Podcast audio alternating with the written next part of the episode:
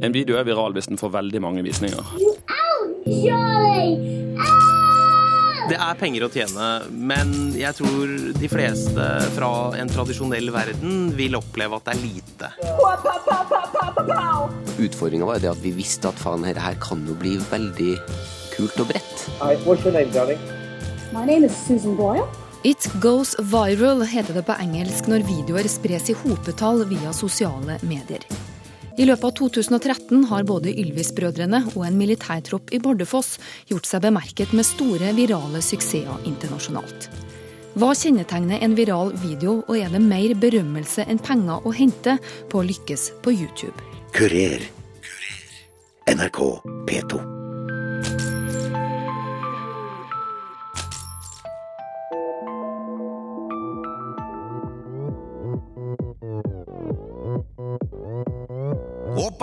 Style. Gangnam Style. Låten 'Gangnam Style' med den sørkoreanske artisten Psy var den første videoen i verden som passerte én milliard visninger på nettstedet YouTube.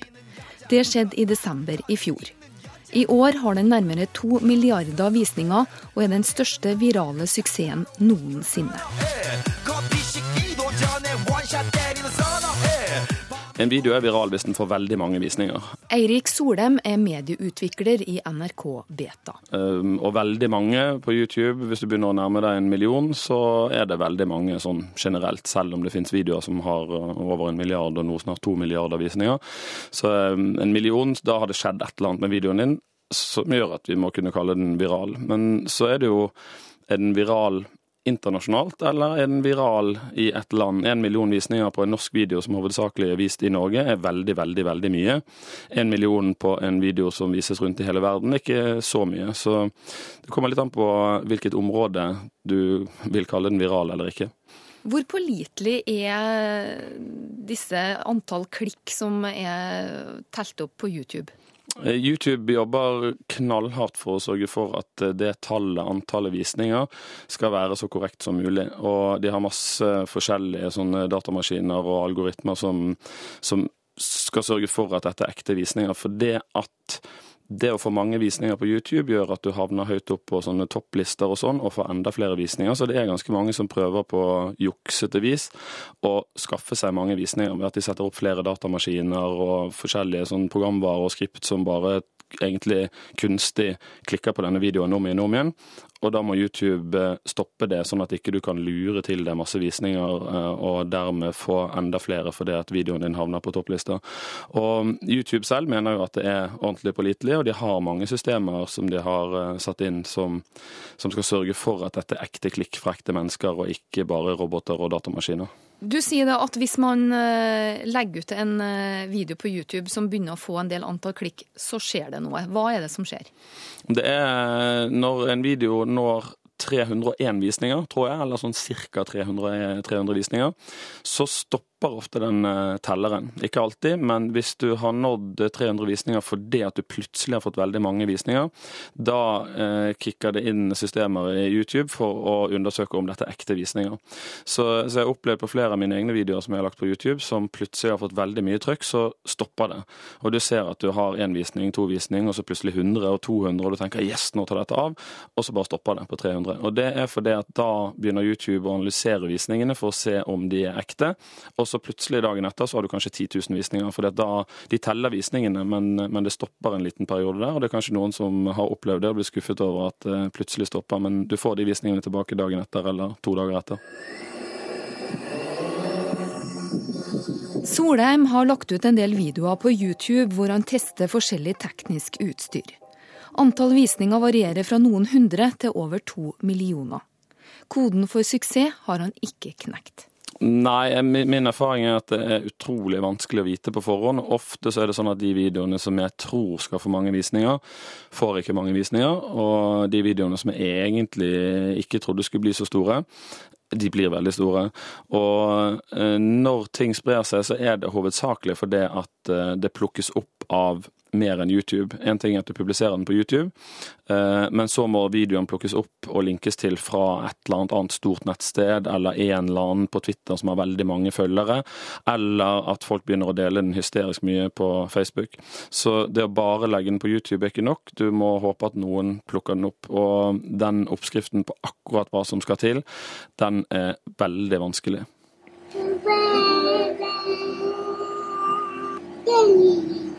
Spennet i hva som oppnår viral suksess er stort. Lille Ella May som synger Elvis i pappas bil. Det noe keitete Susan Boyle som får publikum til å måpe i Britain's Got Talent. I dream the dream and time gone by. Eller soldater i Nord-Norge som går fra oppstilling til absurd dans på sekunder.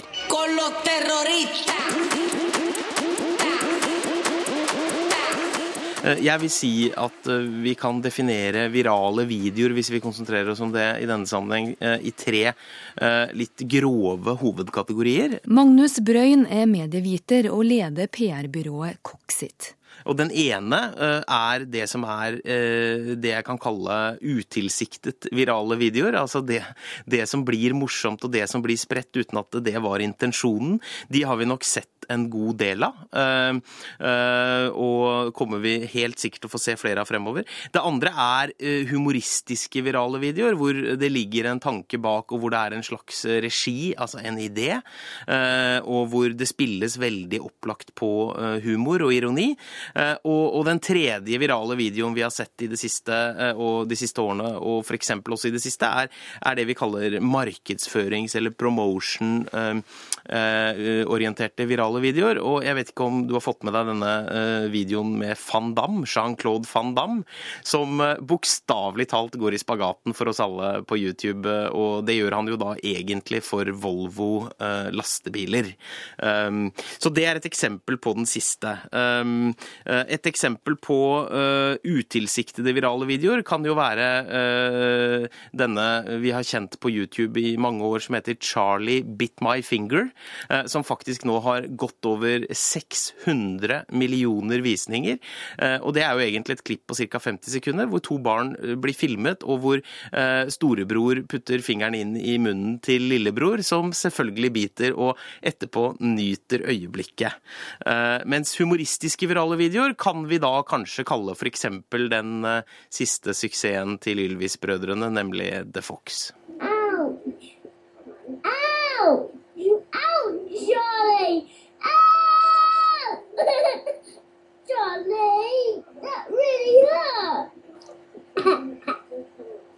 Viral markedsføring har blitt et begrep i PR-bransjen.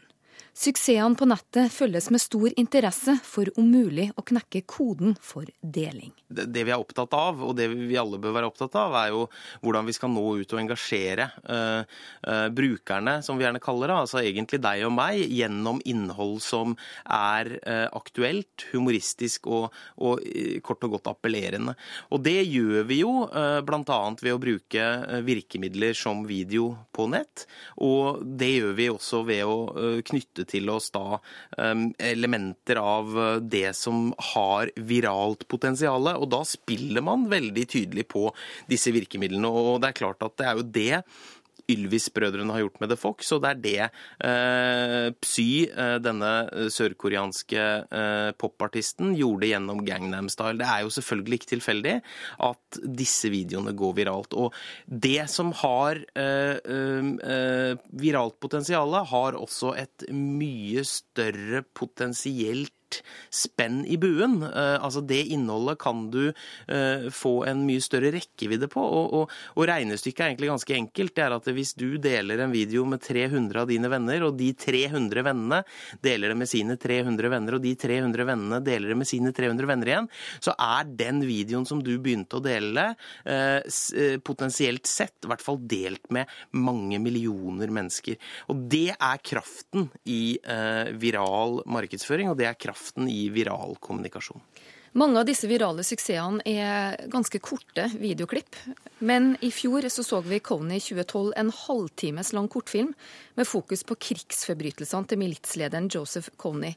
100 millioner treff på YouTube. Hvordan forklarer du denne suksessen? Ja, Kony er et veldig interessant fenomen, fordi at det er en, eh, en i YouTube-sammenheng eh, slow TV. altså Det er det samme som å sitte og se på en togreise eller Hurtigruta fare opp og ned kysten. Og da vet vi jo alle at den farer jo ikke sånn kjempefort.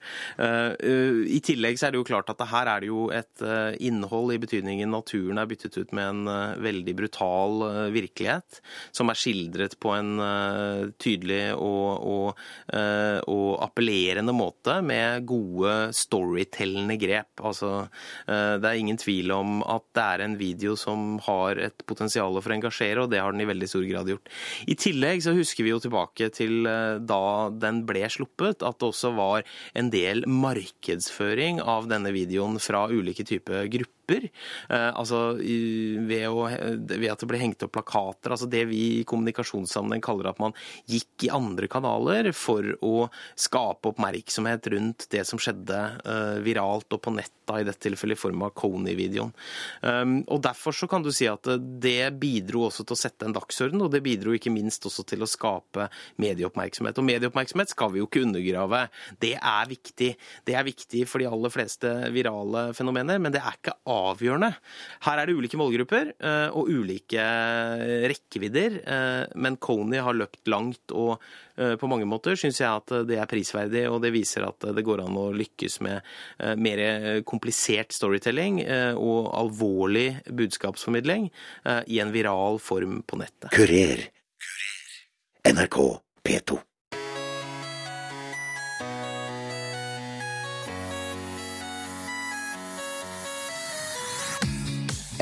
Altså Akkurat nå så hater jeg jo den låta fordi at jeg har hørt den altfor mange ganger. Og jeg har jo også sittet og klippet denne videoen, så jeg har jo da sittet og klippet sånn at jeg hører typ sånn ett og et halvt sekund av låta 27 ganger, liksom. Før jeg er fornøyd med det momentet, og så går jeg da to sekunder videre, og så må jeg høre det 27 ganger til.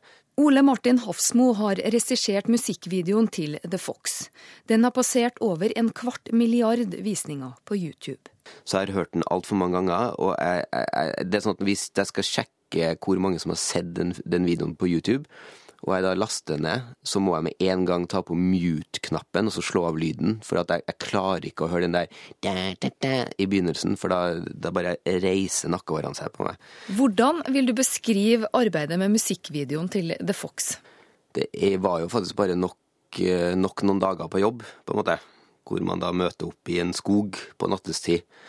Eh, og omgivelsene er bare sånn at noen skal ha en revekostyme på, og det er mange dansere rundt og det er en lang dag på jobb. To lange dager, to lange netter. Hvordan samarbeider du med Ylvis-brødrene på et sånt prosjekt som dette? Altså, samarbeidet fungerer på den måten at eh, Ylvis og eh, redaksjonen, og her da med redaktør Christian Løkster, har en idé. Eh, og så er det litt sånn at de presenterer den til meg, og så får jeg lov til å like den eller ikke like den, og komme med tilbakemelding på hva jeg syns er kult eller ikke. Og så hører de det de vil høre om det. det Hvor liksom mye av The Fox var du enig i at var kult, da? Jo, jeg elska ideen. Jeg syns den var fantastisk. Eh, det som var litt sånn Utfordringa var jo det at vi visste at vi, skulle, vi, fikk lov til å komme til Stargate sitt studio i New York og spille inn låta der. Eh, og at de ville da komme med ganske mye av låta. Eh, så utfordringa var jo det at vi visste at faen, dette her kan jo bli veldig kult og bredt. Men så var jo ideen så smal og, in, altså, og så hemmelig, føltes det som.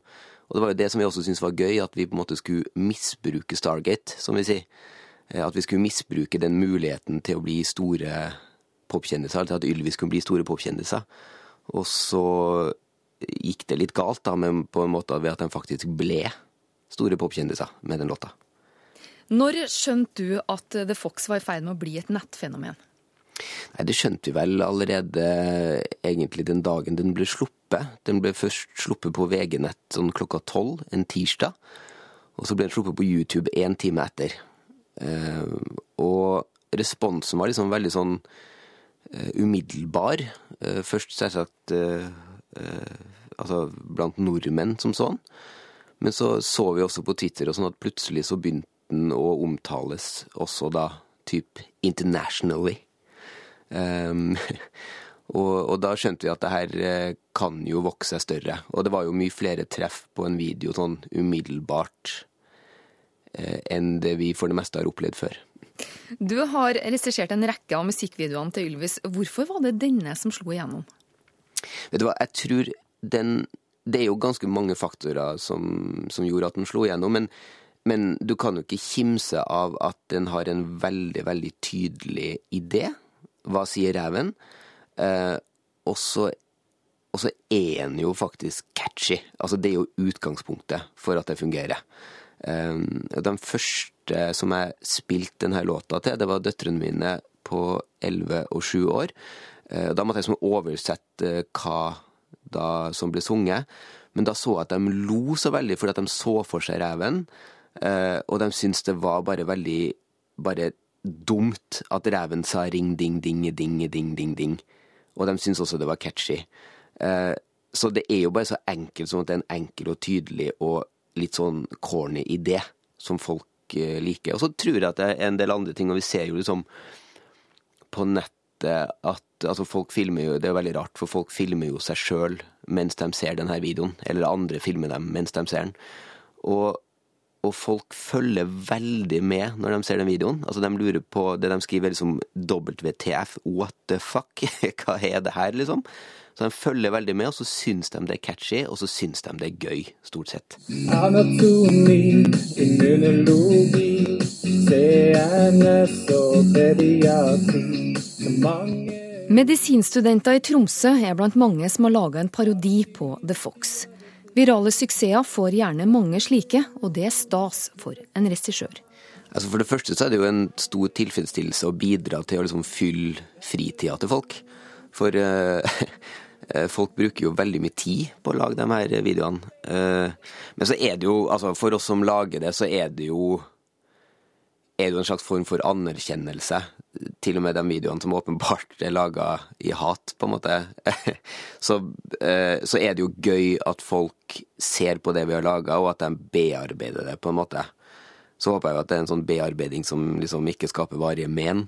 Men, eh, men, men det er jo bare gøy. Og det er også gøy fordi at vi på en måte kan liksom måle måle hva vi sjøl syns om vårt eget produkt, eller hva det produktet vårt kommuniserer. Det er jo det som er så fantastisk, at vi har laga noen ting som eh, og, altså, Vi kan se hva folk i Asia syns om det. Vi kan se om ideen er universell. Vi kan se på de andre videoene, hvordan de slår ned i Asia eller ikke, i forhold til hva det sier om den kommunikasjonen vi driver på med. Så det er jo, det er jo, det er jo bare positivt. My life is so successful. I got everything a man could ever need. Absurde musikkvideoer har vært Ylvis-brødrenes varemerke. Som denne om en vellykka mann som ikke får ro pga. mysteriet Stonehenge. What's the meaning of Stonehenge? Jo, det, eh, altså, det Fox har jo påvirka de andre videoene ganske kraftig. Ehm, sånn ved at f.eks. Stonehenge, som er en annen eh, video vi har gjort, hadde vel et sted mellom 500 og 600 000 treff før The Fox, og nå så tror jeg den ligger på 14 eller 15 millioner. Um, nå er jo ikke det at det er liksom millioner altså Det er jo ikke det liksom at vi sitter der og teller og ler høyt, men, men det er Sånn som Stonehenge er jo en video som vi internt sett er veldig fornøyd med og veldig sånn glad i. Eh, og det er ingenting som er så kult som når du har laga noen ting, og så blir det sett av folk. Også det at folk f.eks. sier det at It's even better than the fox. Eh, eh, er liksom bare bra, for at du har jo lyst til at måte, folk skal se det du har laga. Og det har jo liksom alle videoene har jo økt voldsomt, til og med liksom det mest sære. Til og med noen av de norske videoene som, som virkelig har en marginal liksom målgruppe, blir jo sett av en, en god del folk fordi at de oversetter det. Um, jeg vet jo også at brødrene har jo blitt oppringt av sånn type Washington Post som sier liksom sånn I really like La det på is, som er en av de første videoene vi gjorde, som er på sånn bergensk vaularsk, og de syns at det er det beste de har gjort. Så det er jo veldig spesielt. Det er veldig spesielt. Hvor mye penger er det å tjene på å få en viral suksess?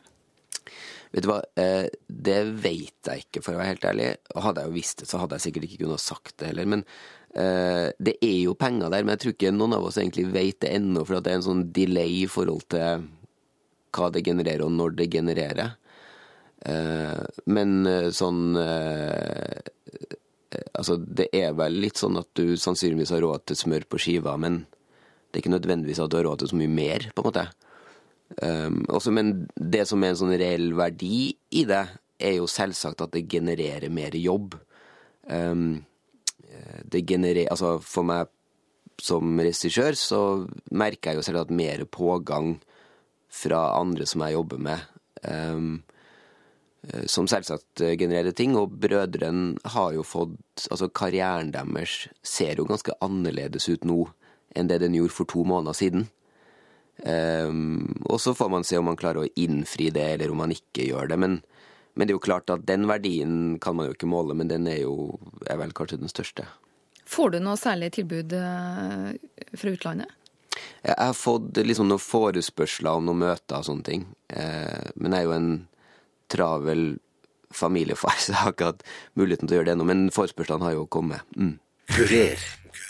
Det er penger å tjene på en viral suksess, men den store inntjeninga skjer ikke på YouTube, ifølge PR-mann og medieviter Magnus Brøyn. Det er penger å tjene, men jeg tror de fleste fra en tradisjonell verden vil oppleve at det er lite penger å tjene. Fordi i en tradisjonell verden så er vi vant til at åndsverket og rettighetene er beskyttet i en mye større grad, og at ikke minst eh, åndsverket er knyttet opp til en kommersiell modell for eh, mer eller mindre direkte inntjening. Og det er det ikke ikke i samme grad når det gjelder virale suksesser og videoer, da, som f.eks. Uh, Gangnam Style og The Fox.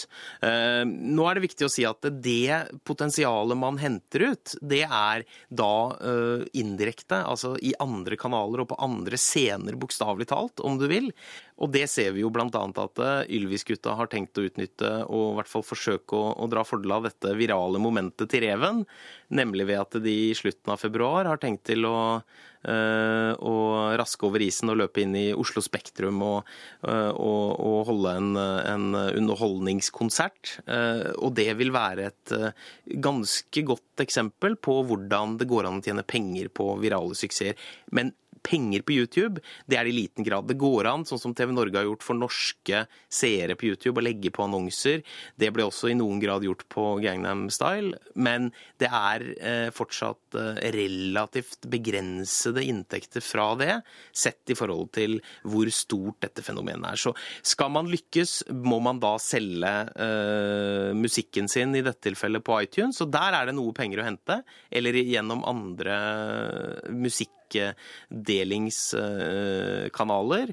Og det er én vei å gå, men, men, på videoen er det pent litt å, å tjene. We clawed, we chained our hearts in vain. We jumped, never asking why. Musikkvideoen 'Wrecking Ball' med ei naken Miley Cyrus er svært populær på nettet. Samtidig oppnår enkelte halvnakne menn stor viral suksess med sine parodier. Alt til sin tid, sier medieviter Brøyn. Vi ønsker ulike uh, videoer til ulike tidspunkt. og Det er også viktig å forstå hvis vi skal gå litt inn i analysen av hva som har viral effekt. Vi ser på ulike ting, vi lar oss begeistre og engasjere av ulike ting.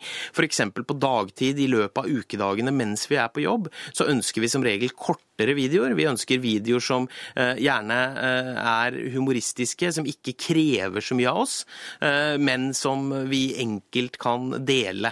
Derav f.eks. videoer med barn og dyr.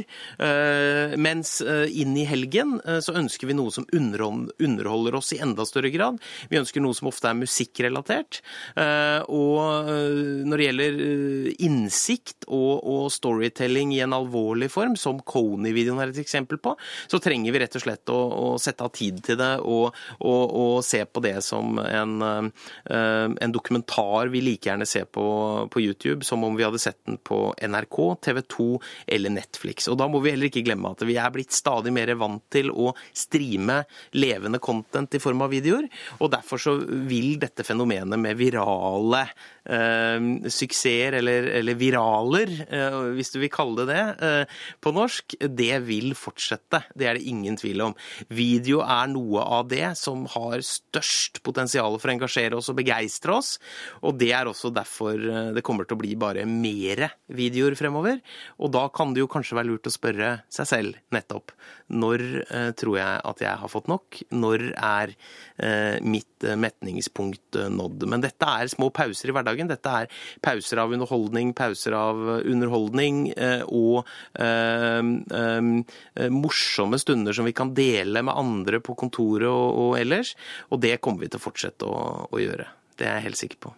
Det som også er, er, er positivt, er jo det at man kan jo faktisk sitte på jenterommet eller gutterommet i et lite ubetydelig land, og så kan det være ei eller en fyr på et gutterom eh, på andre sida av jordkloden som ler av det du har gjort, og akkurat det føles veldig kult og nesten litt sånn rørende. Det er liksom veldig tilfredsstillende å se at man kan kommunisere med en annen geek på andre sida av jorda. Det, det, det er jo gøy. Vi forstår hverandre ikke.